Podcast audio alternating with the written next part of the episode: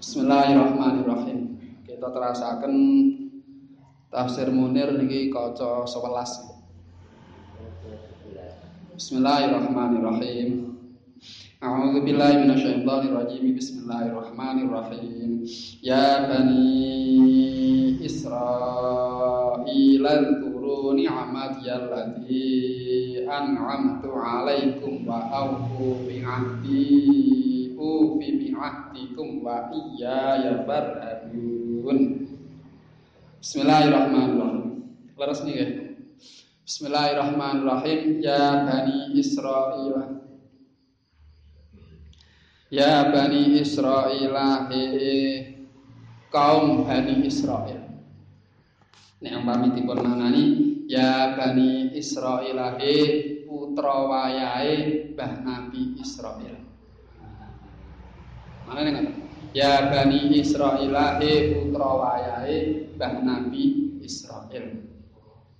Ai ya aulada Yaqub tegesehe pira-pira putra wayahe Mbah Nabi Yakub alaihi salam. Nabi Israel niku asmane pun Nabi Yakub. Nggih. Setunggal-setunggalipun nabi ingkang anggadhahi asma boten namung setunggal salintunipun Gusti Kanjeng Nabi Muhammad sallallahu alaihi wasallam inggih punika Nabi Yakub.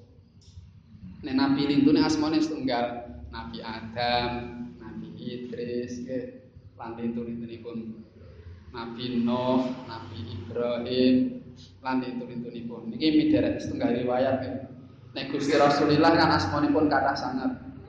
Nah, lah engkang anggadi asma mboten namung setunggal niki midherek setunggal pendapat inggih punika namung Kanjeng Nabi kalian Nabi Yakub. Nabi Yakub anggadi asma Yakub lan anggadi asma Israil. Israil niku mananipun Abdullah. Abdun Mustafa lillah. Kawula pilihane Gusti Allah. Niku maknanipun Israil. Niku setengahnya. Nggih nek riwayat itu wonten sing ngendikane Nabi itu wonten kados Nabi Nuh, wonten ingkang ngendikaken asmanipun aslinipun Abdul Ghaffar. Wonten ingkang ngendikaken kados ngoten Nabi Nuh asmanipun aslinipun Abdul Ghaffar. Dipun paringi julukan, dipun paringi asma Nuh. Nuh gara-gara nipun setunggalipun wekdal niku nalika kaos napa pripun? Niku wonten segawon. Enten segawon dugi. Lah, kalih Nabi Nuh niki segawon wau disentak. Disentak diusir. Akhiripun sasampunipun kados niki setunggal riwayat tapi nggih nek leresipun wala alam. Akhiripun sasampunipun disentak segawan wau dipun sentak dipun usir. Lah mboten ledangu Nabi Nuh niku dipun dugeni kalian malaikat. Lajeng malaikat niku matur. Jeneng Nabi Nuh kula badhe tangkep ingkang dadosaken langit bumi sak isinipun niku sinten? Angge Gusti Allah. Lah, ingkang paring nikmat dhateng sedaya makhluk teng langit bumi niku sinten? Anggih Gusti Allah. Lah, nek umpami ingkang damel Gusti Allah, ingkang gadah nggih Gusti Allah, ingkang paring nikmat nggih Gusti Allah. Lho kala wingi enten segawon mara mriki kok jenengan sentak, jenengan usir niku kersane pripun? Akhiripun muwun. Nabi Nuh itu muwun. Nek boten kae terus kawan dosa dinten.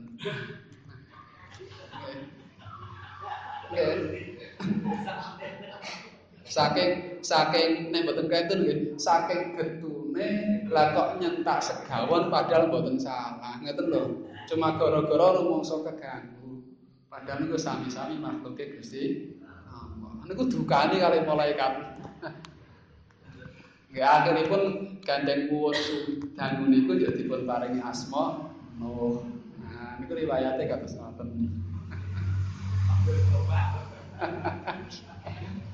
niku niku nabi, mula langsung didukani nggih. Ana iki ambak wong gek pitik mara sithik Dusir ya. Kucing ah, kucing ngajeng nyolong pindang wae dusir.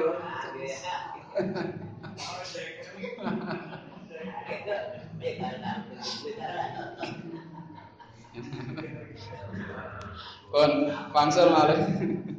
Niki ya Bani Israil he putra wayahe Mbah Nabi Israil. Mananipun cara dimanani berarti he putra wayahe Nabi sing dadi pilihane Gusti Allah. Putra wayahe Mbah Nabi Israil. Ayya aulada Asmanipun Nabi Yakub.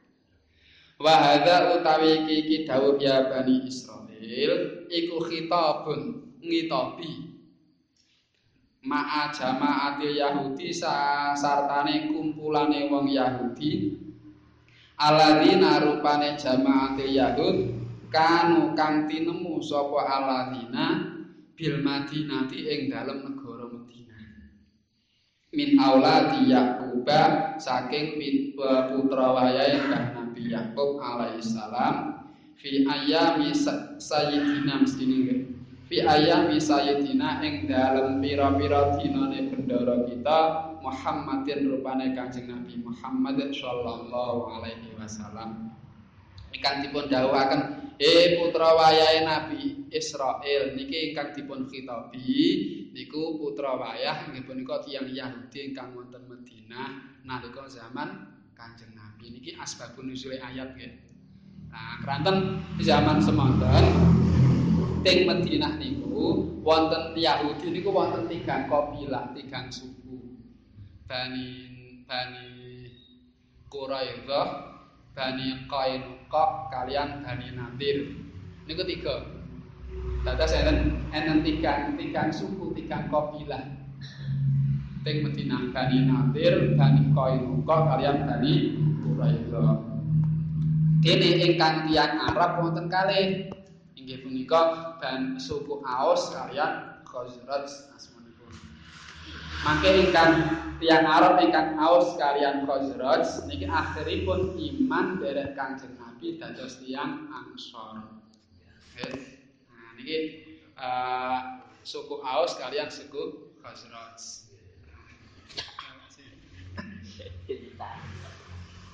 Nah,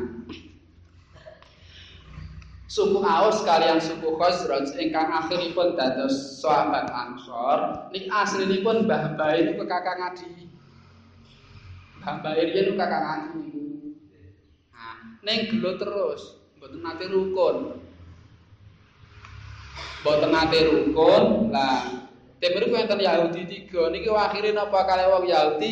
Yahudi sing niki mbelani Aus, Yahudi sing niki mbelani Khazraj. Nggih. Nggih, sak kutha, nggih ta, sak kutha, sak mbah ning mboten tau rukun. Gelo terus gaweane. Musuhan terus. Akhirnya mboten maju-maju. Nah, mboten maju-maju. Lah, sing aos kalian Khazraj iku namung gelo terus musuhan terus dene sing tiyang Yahudi niki akhiripun saged bangun werni-werni. Mula sinaosa sing penduduk asli teng mriku Aus kalian Khazraj ning gandeng ribut perang gelut mon mboten nate rukun sing Yahudi ingkang nekon iki malah saged bangun werni-werni. Mula nalika Kanjeng Nabi Muhammad sallallahu alaihi wasallam hijrah wonten Madinah niki pasar teng Madinah niku pasare tiyang Yahudi. Wong Arab mboten gadah pasar. Mergo napa ribut gelut. Nah, ngoten lho. Wagre sing saged bangun ekonomi te mereka ngantos gadah pasar malah tiang Yahudi. Mila nalika Gusti Kanjeng Nabi sallallahu alaihi wasallam rawuh wonten Madinah, niki Kanjeng Nabi ingkang bangun tiga. Setunggal Kanjeng Nabi menika bangun peseduluran. Antawisipun tiang Aus kalian tiang Khazraj boten pareng mungsuhan malih. Pun sedulur kabeh padha Islami. antawisipun tiang angsor kalian tiang muhajirin dipun dadosaken sederek. Niki akhiripun kompak. Nomor kalih ingkang dipun bangun Kanjeng Nabi masjid. Nggih menika masjid Madinah. Nggih. Pone niki pun masyhur. sing kirang setunggal. Ingkang setunggal ingkang dipun bangun Kanjeng Nabi menika pasar. Pasar. Keranten apa? Wekdal menika Kanjeng Nabi ngertos niki teng Madinah niku ingkang gadah pasar ingkang nguasani ekonomi tiyang Yahudi. Wong Islami dhewe blonjone teng mriku.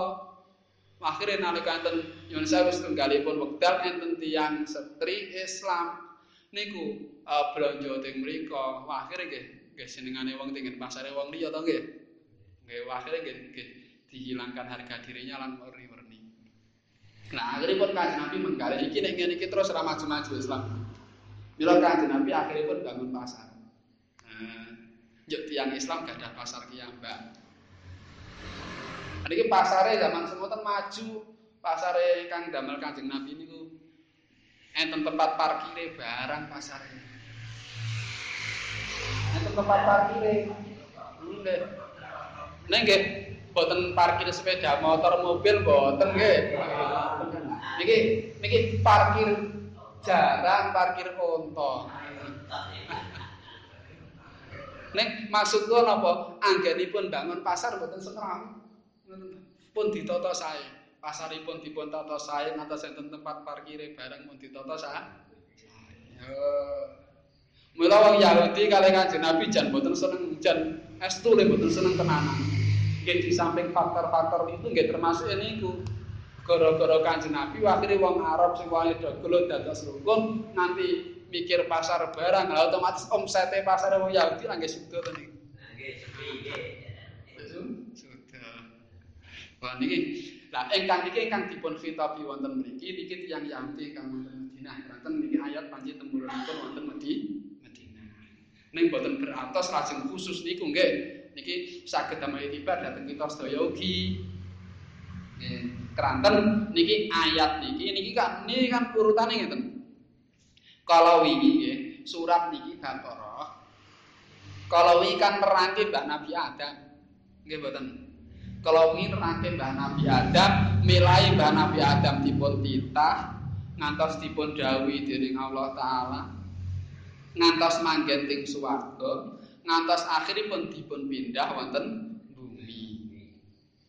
Lah nalika dipun pindah wonten bumi kalau dipun ngendikaken fa imma ya'tiyannakum minni huda faman tabi'a hudaya fala khaufun alaihim walahum yahzanun waladina kafaru wa kadzdzabu bi ayatina ulaika ashabun nari hum fiha khalidun.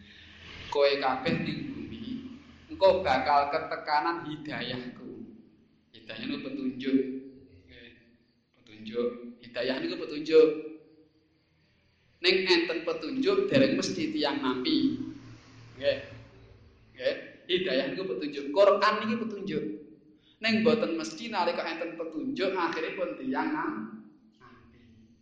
Nah, lagi ambak niku alhamdulillah dipun paringi dening Allah taala enten hidayah, enten Qur'ane, enten kitab, enten ulamae, piyambak kali Allah taala dipun paringi hidayah, nggih dipun paringi saged nampi hidayah. Sebab mboten mesti nampi. Ah contone napa plang. Plang mergi niku Kadang jambon cetha tulisane niku. Mbon cetha, wah nek mriki muntilan, mriki salaman. Nah, cetha. Enten plang niku lho. Plang gen mergi. Ini muntilan, mriki salaman.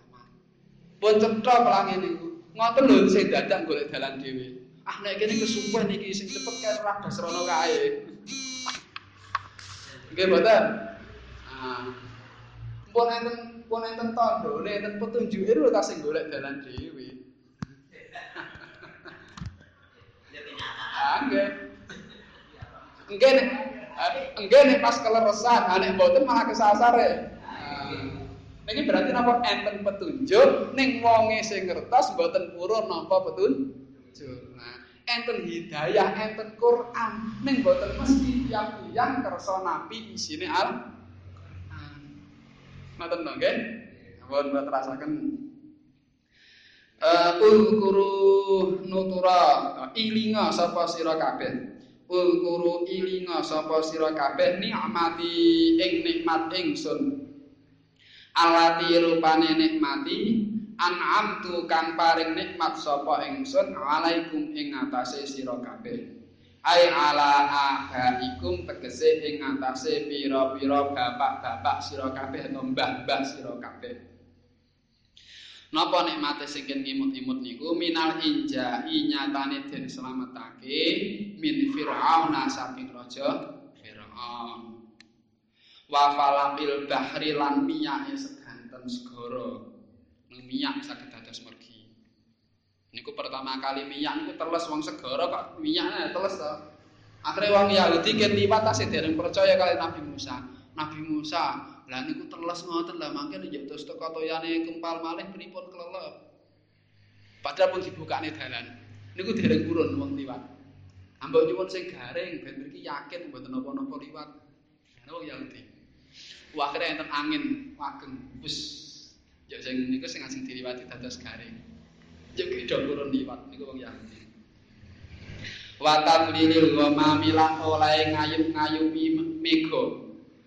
fitihi ing dalem ora-ora tif niki mangke wonten criyosipun teng teng wingking wa ing zalil mani lan nurunaken nurunake uh, panganan kang apa uh, wa ing zalil mani lan nurunake inuman kang manis kaya madu putih kaya salju wa ing zalil mani lan nurunake panganan kang manis kaya madu putih kaya salju wasalwalan iwak manuk kang lemu-lemu. Nah, ini ngoten. Fihi ing dalem ora-ora tih. Teng ora-ora tih itu dihukum Bani Israel mergo mboten manut mau kalih nabi-nabi niku lho. Makare tiang Bani Israel teng ora-ora tih niku dangunipun sekawan dosa taun mboten saged medan.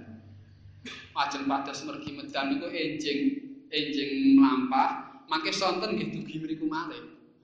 Niku sekawan dasa taun. Ning sinaosa kados maka teng kalih pangeran nggih dipun paringi nikmat dipun paringi niki mana wasalwa. Yo enten mega sing nguyup-nguyupi mboten pati kepanasan.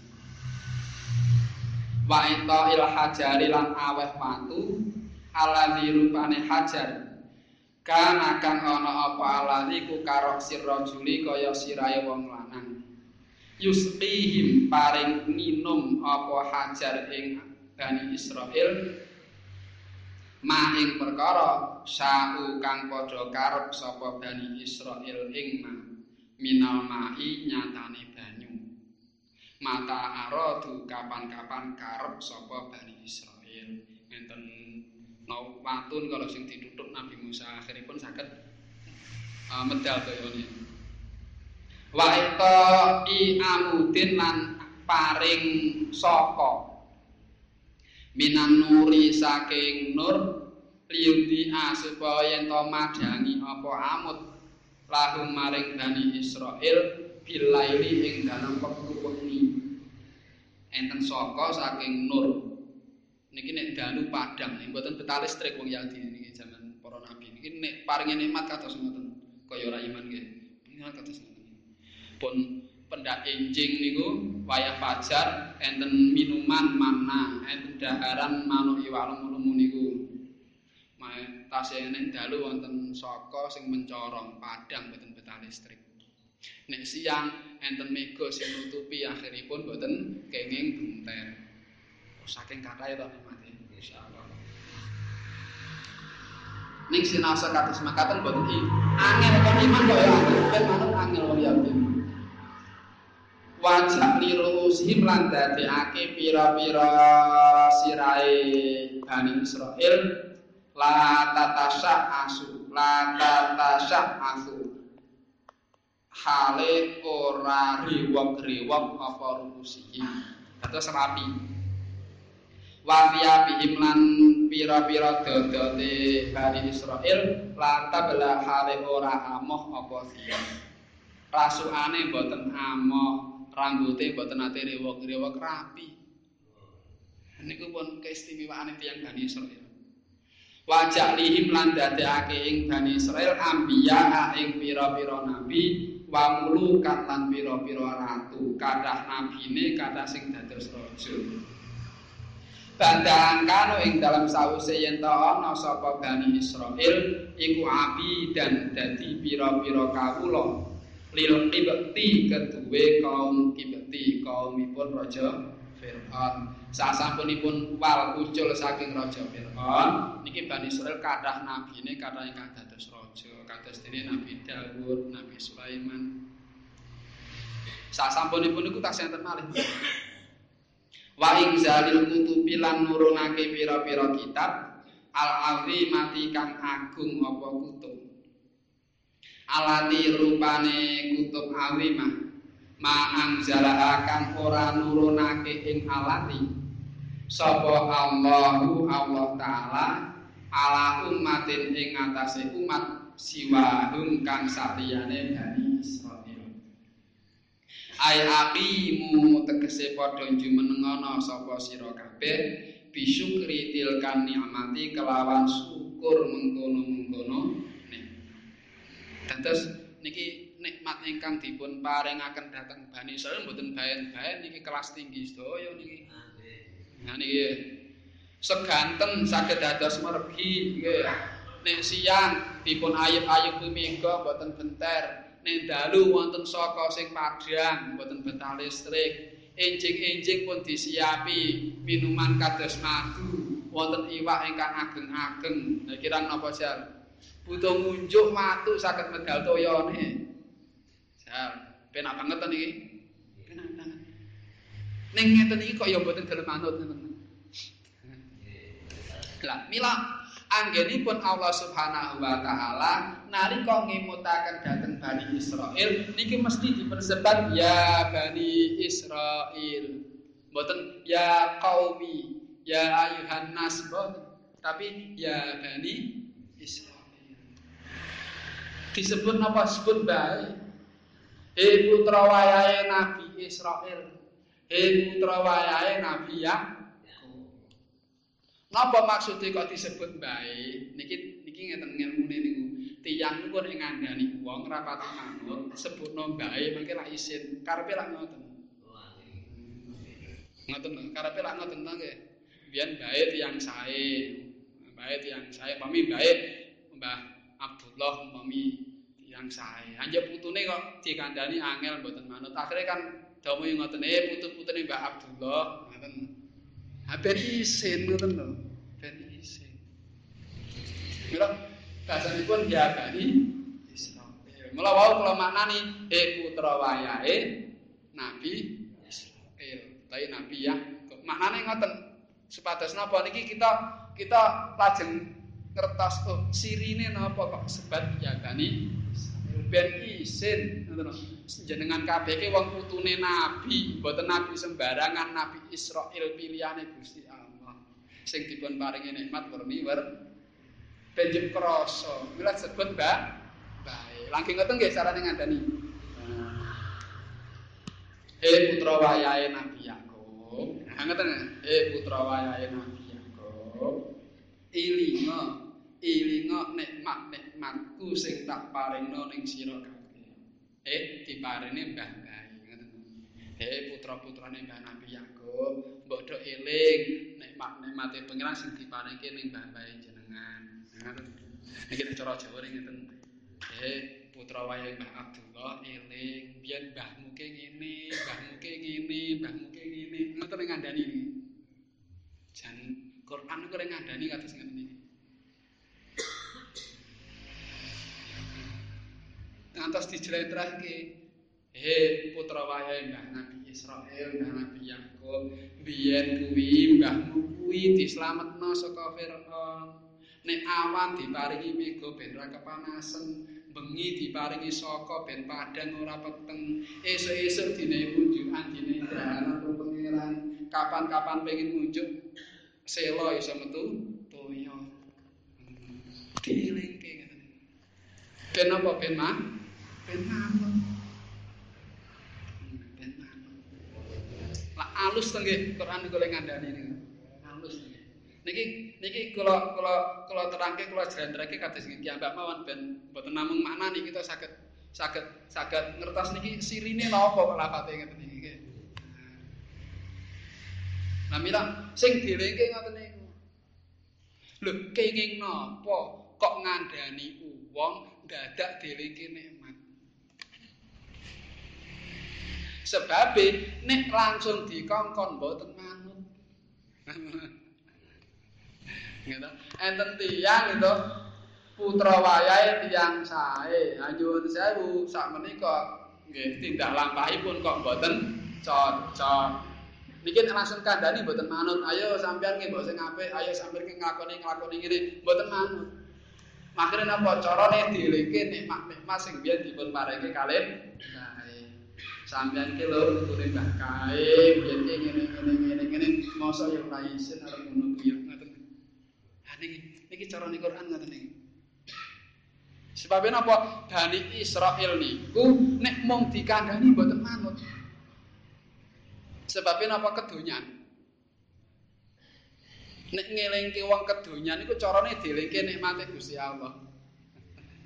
Benten nek umat kita, nek kita umatipun Gusti Rasulullah sallallahu alaihi wasallam niku mboten ket eling nikmat, mboten kuru nikmati mboten, tapi fadkuruni azkurkum. Iku dawuh ingkang kangge kangge umatipun Kanjeng Nabi. Fadkuruni ilinga sapa sira kabeh ing aku. Nek tiyang Islam dipun perintahaken eling dhateng Gusti Allah. Mboten dipun perintahaken eling dhateng nek Kranten napa? Kranten bentenipun nek umatipun Gusti Kanjeng Nabi niki tasih saged nek umpami dilingke masalah langsung ket emot Allah mboten saeling nek mantu saged. Nek wong Bani Israil gandeng saking kedunyane niki cara tafsir lho nggih sewu. Jenenge kedunyane langsung diomongi ngoten niku mboten purun. Nah, ngoten bentene teng mriku. Mila umatipun Gusti Kanjeng Nabi Muhammad sallallahu alaihi wasallam niku umat ingkang dipun paringi coba werni-werni. Coba werni-werni. Tiang Yahudi dipun paringi sugih, wong Islam paringi melarat. Eh, wong nggih ta? Dikai terus wong mriko Nasara iku luwih maju dhewe keteteran. Mriko sing kuasane werni-werni piyambak kangelan nggih. warni-warni. Jan cobane warni-warni. Lho, kenging napa kok dicoba warni-warni? Niki salah setunggalipun apa Allah taala badhe izhar ngetawisaken dhateng para mala ikat ingkang wonten langit nek menawi umatipun Kanjeng Nabi Muhammad sallallahu alaihi wasallam niki anggone manut mboten krana bondo, mboten krana kuwasa, mboten krana napa-napa ning krana Allah taala. Mila dipak mula dicoba werni-werni kangelan werni-werni mboten gadah napa-napa werni-werni tetep tasih eling pangeran. Nah. Niki niki sing dibanggakne. Mila Niki mila Allah taala ngetawisaken dhateng para malaikat iki lho umat Kanjeng Nabi Muhammad iku istimewa. istimewa. Wis tak gawe ra duwe apa-apa digawe kalahan, dikerai terus tetep eling aku. Oh. Niku hikmah kados ngoten. Hikmah kados ngoten iki nek nek ngaose ngeten iki, mengke nek ngaose gak sing itu ngeten alis. Iki iki ahlul ibtilah umatipun Kanjeng Nabi Muhammad sallallahu alaihi wasallam dipun paringi balak warni-warni napa Allah taala ngetawisaken dhateng para malaikat niki umat istimewa. Nek mate tak suda warni-warni tetep eling. Eh ngoten. Nah niku teng tafsire ngoten niku. Benten nek tiyang Yahudi. Wong Yahudi niku niku nek cara teng tafsire niku pandanganipun pandangan materi. Pandanganipun pandangan materi. Lah tiyang ingkang pandanganipun materi menika anggenipun kita dadosaken saged-saged kalian Allah kersa ngibadah niku dimutke nikmat-nikmate. Ngoten lho. Dimutke nikmat-nikmate sing dimut-imut nikmate. Mula didhawuhi elinga kon eling. Ilinga ilinga nikmat-nikmatku. Lho pengira dhewe ngoten elinga nikmat-nikmatku lho napa kok ken eling tiang sing ken ngeling-eling, ngeling ngeling berarti tiang sing supe wong lali wong lali. Sebab napa mboten sabani? Elong kita kiamban sering lali kok. Nikmat niku nek pun biasa, gitu. Tiap dinten kerep niku lali. Mula lali syukur. Jenengan ate syukur ijing-ijing ini sering iki medungul malih. Nate. Nanti ada dan nikmat iki ya. Nikmat. Mila nalika wonten grahana niku dipun sunataken salat grahana. Ken maos istighfar. Kenging napa kok ngoten niku hikmahe cara teng kitab dipun dawuhaken kenging napa kok dadakon salat grahana kon istighfar niki enten grahana niku ken emot kali Allah taala Gusti niki ingkang dadosaken srengenge jenengan ingkang dadosaken rembulan jenengan ingkang menrungulaken jenengan. Ingkang saniki nutupi nggih jenengan. Gusti kula istighfar kula nyuwun ngapunten dhateng panjenengan. Ampun ngantos gara-gara dosa kula. Sak sami sedayanipun gara-gara dosa niki jenengan mboten medhungulaken srengenge malih. Niku kan istighfar kan ngoten niku. Ben eling mboten terus kaya cah sekolahan niku. Diwarai niki gara-gara ditutup bulan niku anggene Allah taala le nutupi carane ngoten niku Allah Ta'ala carane nutupi srengenge ditutupi Bu. Lah niku carane. Ning ampun mandheting niku ngoten. Diteraske, iki sing nutupi ke pangeran ngoten lho. Niki sing nutupi penge pangeran. Umpama Allah Ta'ala mboten ngresakake balik, pun tak ditutup terus mboten balik. Nah, niku terasanipun ngoten. Lah kita ini kok sinawur nih iki tutupi bulan, tutupi serengi ini napa kita supados tambah yakin kalian Allah taala ngertos agungi Allah taala tata caranipun Allah taala niki lho pripun carane nutup srengenge. Wong srengenge kalian bulan gede srengenge kok bulan saged nutup. Lan pun ben tambah iman. Mila gandeng tujuane ben tambah iman yo diteruske, ampun yo alah iki kok lak menit balik neh. Yo kok yo ngatur pangeran niki niki gangsal menit malih kinten-kinten nek cara biasane balik malih sunatullah ning saged mawon nek Gusti Allah mboten ngresake niki mboten balik. Mila nek enten graha ken salat njek istighfar. Istighfar maknane Gusti. Kula nyuwun ngapunten tobat dhateng jenengan. Ampun gara-gara kita sedaya nglampahi dosa. Lajeng srengenge mboten jenengan wangsulke malih. Eh, niki hikmahe salat graha Jadi kan eling. Sebab napa? Tiang Yahudi niku mboten eling do supe. Nah, ken eling nikmat-nikmate Allah taala. Nikmat mboten namung nikmat tok, nikmati allati an'amta alaikum. An'amtu alaikum ilinga nikmat-nikmatku sing tak nehke kowe kabeh. Niki carane napa ben ben ben saged iman ben kersa manut dielingke nikmat-nikmat ingkang dipun paringaken dhateng sira kabeh basane ngoten. Sebab napa mangke nek kon ngeling-eling nikmat sing diparing kita wong liya mboten sida iman. Dadine meri. Nggih mboten. Mula nikmati alati an'amtu alaikum. Ngoten basane alaikum. Elinga nikmat-nikmatku sing tak paringke ning kowe kabeh. Eh ngoten. Bahasane mboten elinga nikmat-nikmatku nek ngoten tok mboten tambahi sing tak paringi sira kabeh. Mangke eling nikmate wong liya mboten sisios iman siose me meri ngoten. Mula dipun tambahi alaikum nikmat-nikmatku ning kowe kabeh. Ini. Lah, akhire mestine ngeteni kanjeng manut ngoten. Eh putra wayahe wong agung, putra wayahe Mbah Nabi Israil. Ilinga biyen mbah-mbahmu tak nenek-mak ngene-ngene ngene-ngene. Masa saiki kowe arep ora padha. Masa saiki kowe arep ora mah. Ngoten lho rasane. Mila mandang pun didhawuhi ngeten iki yo di mandang pun di ngendikani yo didhawuhi aufu no wa aufu bi ahdi. Lah nepi didhawuhi niki. Kula terasaken nggih. Wa aufu lan padha nuhonono sapa sira kabeh bi ahdi kelawan janji ingsun. Ay aufu tegese padha nuhonono sapa sira kabeh bima kelawan perkara. Amar tukum kang perintah sapa ingsun ing sira kabeh bihi kelawan ma. Minapa ati nyatane pira-pira ngabekti. Wa nahaitu kum lan nyegah sapa ingsun ing sira kabeh anhu saking ma minal masi nyatane pira-pira duraka. Nah niki minangka syukur. Sampun dipun paringi nikmat mula syukur. Lah salah setunggalipun cara syukur ingkang paling dagen nggih punika aufu bi ahdi. Tekanana janjimu kabeh ning aku yaiku kon manut kalian perintahipun Allah lan nebi awisanipun Gusti. Sebab riyen kan janji teng ngalam zuriyah nika ngalam arwah.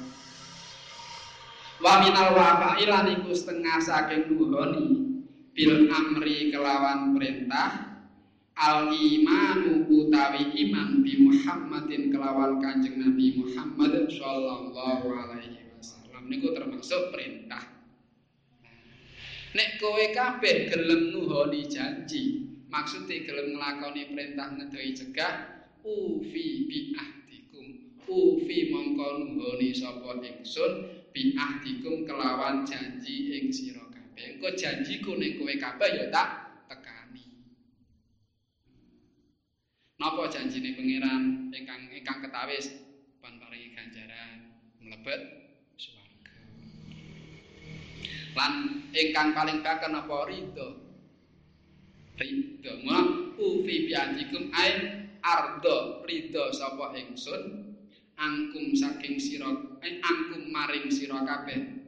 Wa udkhilkum lan manjingake sapa ingsun ing sira kabeh al jannata ing swarga. Nek kowe kabeh do gelem manut perintahku ngedoi cegahku ufi biadikum janjiku ning kowe kabeh tak tekani apa aku ridho karo kowe kabeh kowe kabeh tak lebokne suar niki berarti napa bebu nek kersa nglampahi perintah nabi awisan badhe dipun ridhoni dening Allah lan dipun lebetaken suar swarga niku murah nek mlebete tok. Mlebete tok murah. Sebab napa? Termasuk ngelampahi janji kita datang Allah Subhanahu wa taala ingkang paling pokok setunggal napa? Syahadat. Perintah. Dados kita niku ya wis ngamalke ilmu jane masih di banget itu lho pun ngamalke ilmu napa ngamalke ilmu pilih kita menika dipun perintahaken Allah taala supados iman supados syahadat akhiripun yo awak dhewe kan nggih iman syahadat Iki berarti nglakoni ilmu. Apa ilmu wajib sahadat. Ngoten lho. Ane sing nutune wae alam, tapi saya niki mun ngam. Nah, mangke kersa sahadat akhiripun mangke saged mlebet Lah mangke piwalosipun Allah Subhanahu wa taala mangke sebanding kalian ngamalipun. Maksudipun sebanding ngamalipun tambah mangke piwalosipun Allah nggih tambah ageng. Sinaosa niku mriki anugerah saking Gusti. Perintah Allah taala ingkang paling dasar inggih punika dan niku paling dasar kangge kita perintah ingkang paling inggil saking Allah Subhanahu wa taala. Dhateng kita napa istighraq fi tauhidillah? Napa pun kereng tenggelam emut dhateng Allah mboten kelingan nintune nah niku sing paling paling ning samboten-boten paling dasar nggih punika saha wa iya ya lan mung ing ingsun farhabun mongko wedya sapa sira kabeh ah farhabuni fima ing dalam perkara tak nakang padha nekani sapa sira kabeh wa tatruku nalan padha tinggal sapa sira kabeh nek kowe kabeh nekanono janjimu laksanana perintahku dono laranganku nek ngono ufi biatikum aku ngenehi apa sing tak iki berarti bebunga. Ning terasipun wa iya ya farhabun. Ning aku tok le wedi, aja ning li. Niku far wedi. Wedi niku basa ora werni-werni enten rohbah, enten khauf, lan werni-werni nggih. Rohbah niku wedi ya, rohbah niku napa rohbah niku wedi ajrit terus ngebihi. menghindar. Manane pun ken wedi ken ajrih kali Allah Subhanahu wa taala mboten namung ajrih tok, ajrih ning beratas nebihi awisanipun Gusti. Niku maknanipun maknanipun farhabun rohbah. Nggih, rohbah niku khauf sing taharus. Terus uh, anggadai raos ajrih dipun sarengi kalian nebihi nek umpami wedi aku. Pengiran dawuh ngoten berarti apa? Ken ajrih kalian Allah taala ajrih kalian siksanipun Allah taala lajeng nebihi awisan awisan pun niku mananipun farhabun rohbah nggih Enten mangke wataku takwa nu manane ya wedi, rohbah manane wedi, khauf manane wedi, tapi benten-benten nggih. Wahlam lan ngerti ya sapa sira anaku lama ing temen serbune saben-saben wong. Kana kang ana apa khaufuhu wedine man. Fi dunya ing dalam dunya iku asad luwih banget. Kana mongko ana apa amnu sentosane man amane man yaumal kiamati ing dalam dina kiamat iku aksara luwih akeh. Wabil aksi lan kelawan semalike sing ting donya tambah kathah ajriye dhateng Allah Subhanahu wa taala mangke ting akhirat kathah rumaos sentosane sing ting donya rumaos aman gitu. Rumaos aman rumaos kepenak boten pati ajri kali Allah taala nggih mangke sawangsulipun nalika ting akhirat akhiripun nggih kathah ajriye sebab ningali siksanipun Allah Subhanahu Ruya dan riwayatake apa anahu temen setune kelakuan iku yunadi undang-undang. Sapa munadin malaikat kang undang-undang. Yaumal kiamat ing dalem dina kiamat jeng teng akhirat dinten kiamat wonten malaikat ingkang dawuh niki. Niki uh, dipun dawuhi dening Allah taala menyampaikan apa dawuh Gusti. Wa izzati demi kamulyan ingsun. wajalali lan keagungan ingsun. Niki maksudipun nyampaikan dawuhipun Gusti Allah.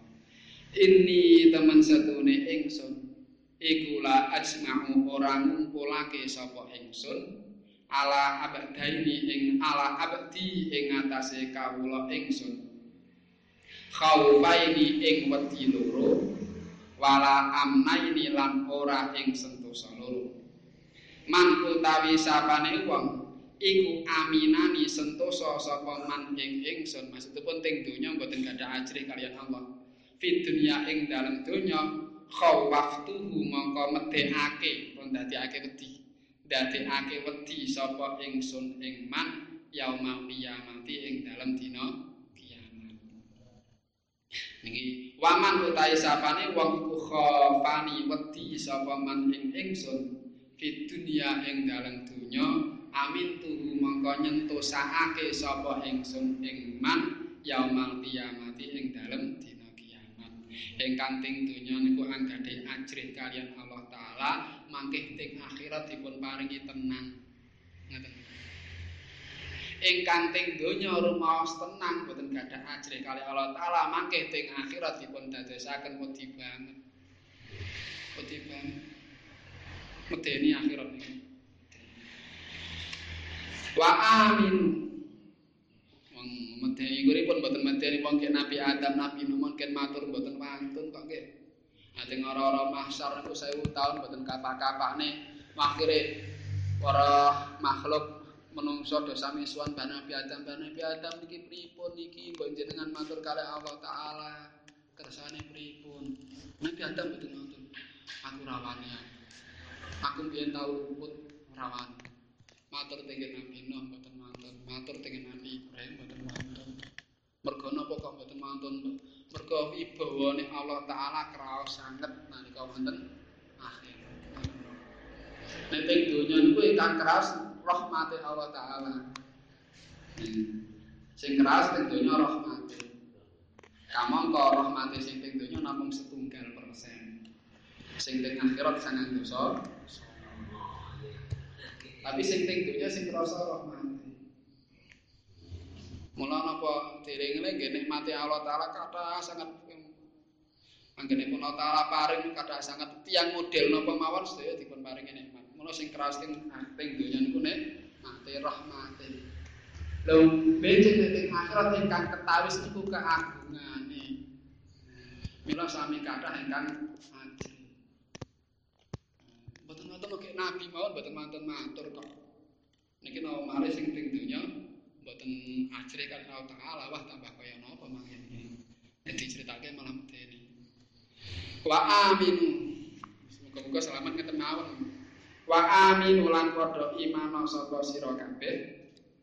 Bima kelawan perkara angzal tukang nurunake sapa ingsun ing man minal qur'ani nyatane al-qur'an.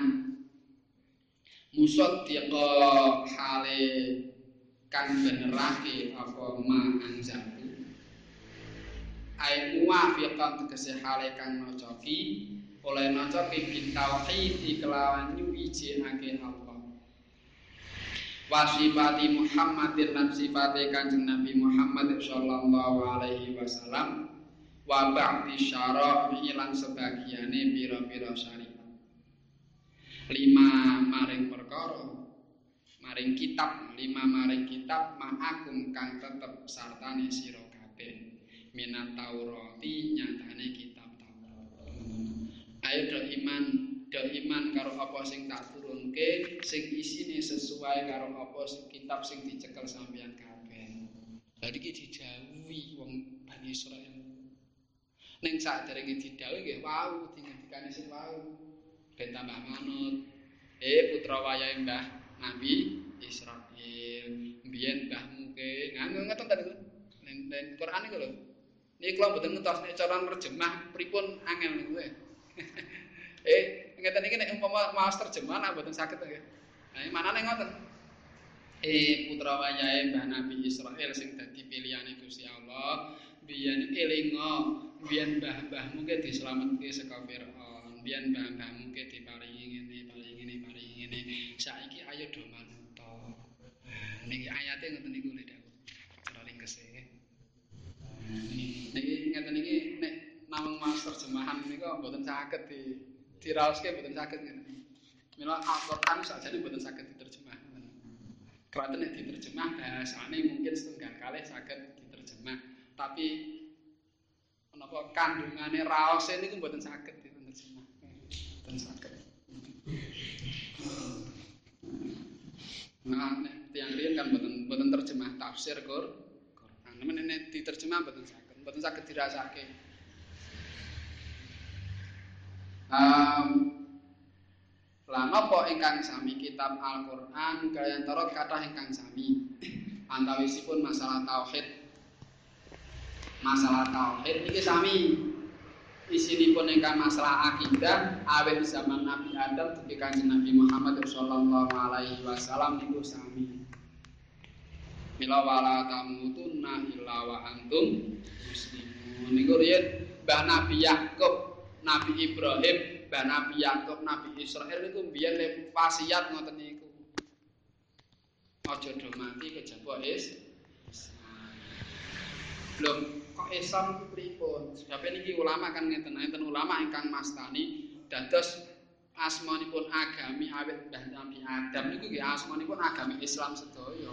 Ngoten lho. wonten ingkang mastani ngoten. Wonten ingkang mastani nggih asmanipun benten-benten tapi isine sa sami. Nah, niku pancen enten khilaf ulama.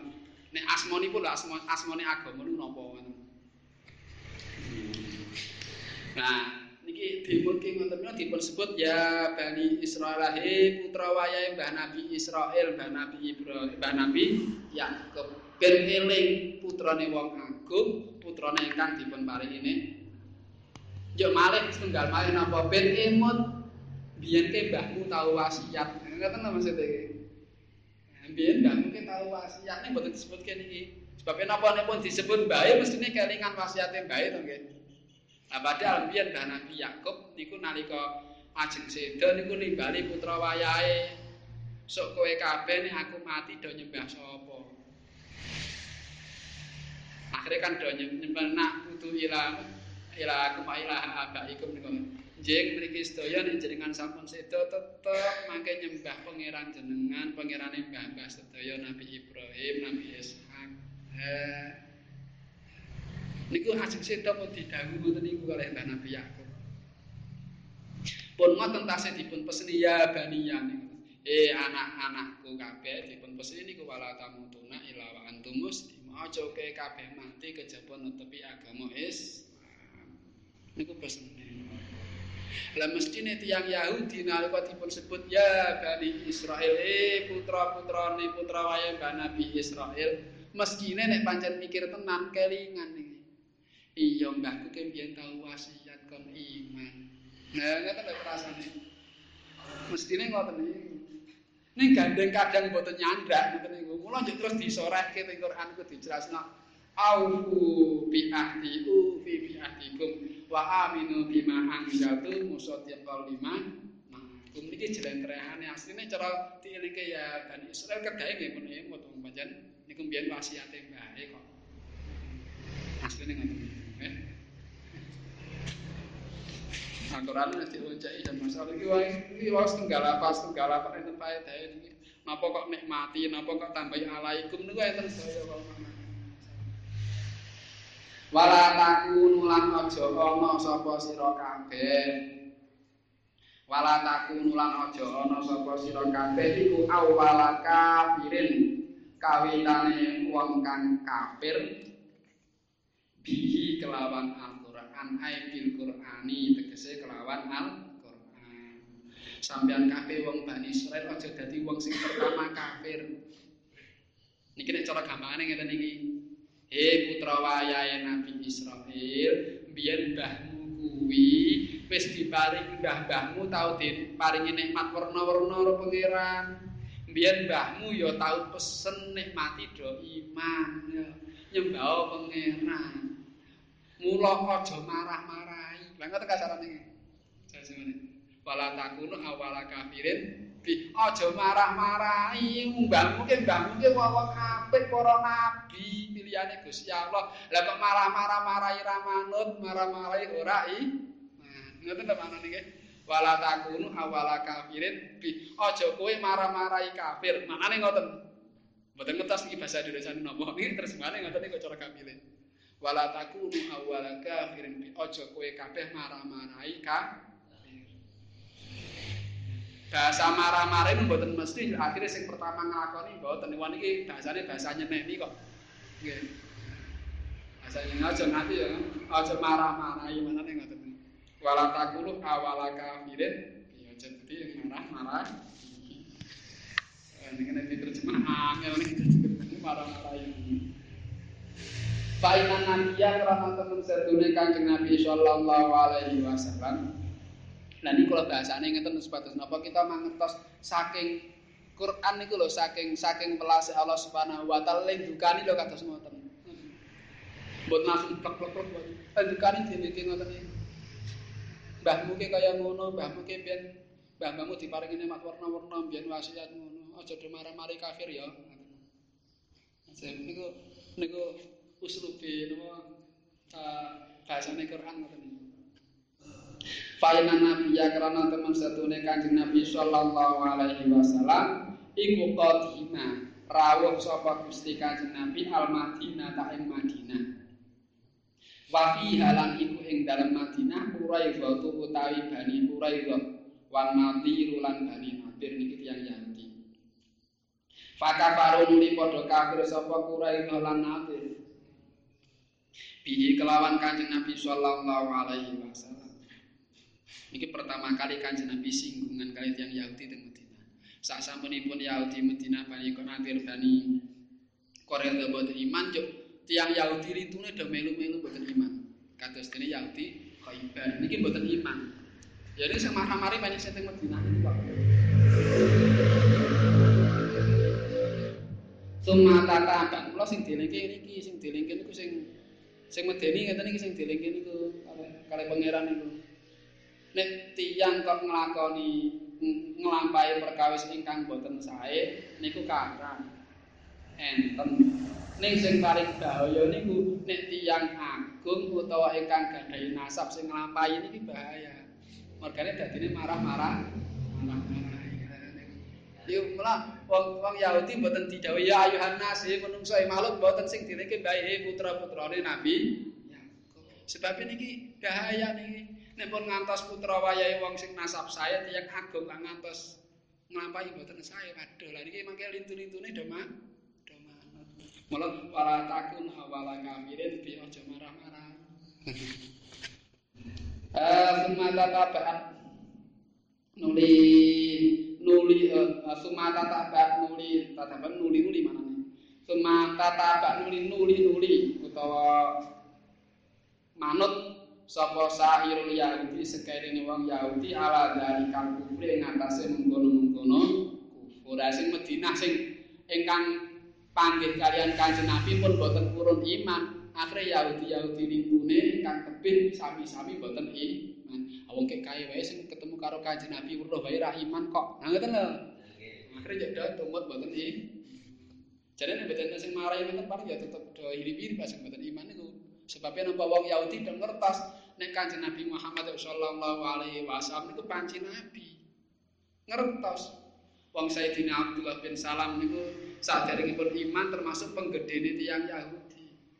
Paling ngalim-ngalimi wong Yahudi niku nate dawuh, aku weruh niki cara bil makna nggih. Aku nalika weruh Muhammad pertama kali, aku langsung paham nek iki nabi. Luwih paham daripada aku nalika weruh anakku dewi. Saking napa saking jelasipun sifat-sifatipun Kanjeng Nabi ingkang dipun sebataken wonten kitab Taurat lan keterangan-keterangan itu. Mila sumeran Kanjeng Nabi langsung paham Nabi asline ngoten. Lah kok mboten iman. Mila yo liyane jo katut, awong kek kae wae sing ning Madinah, Madinah ketemu Kanjeng Nabi ra manut kok. Nah, kuwi yo marah-marah. Wa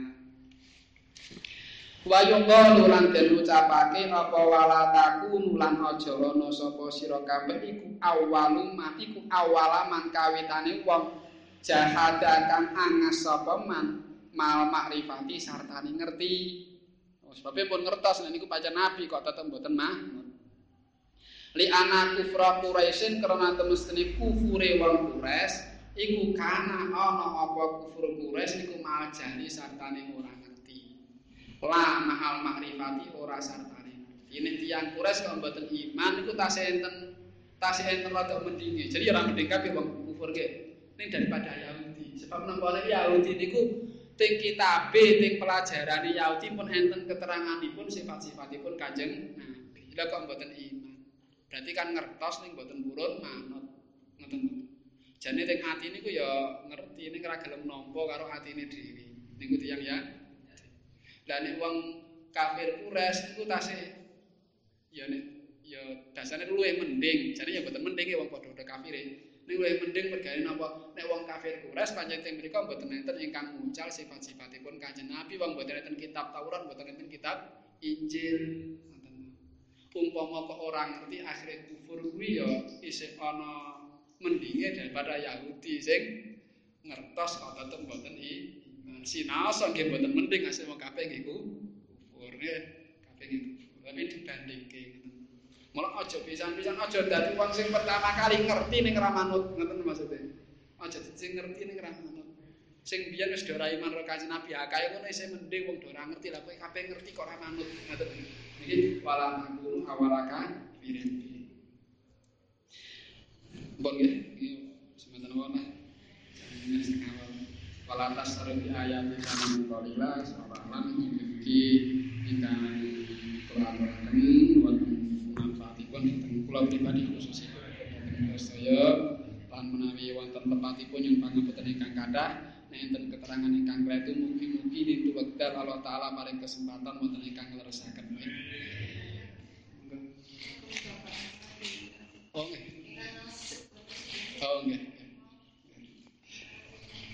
maka sarang-sarang kita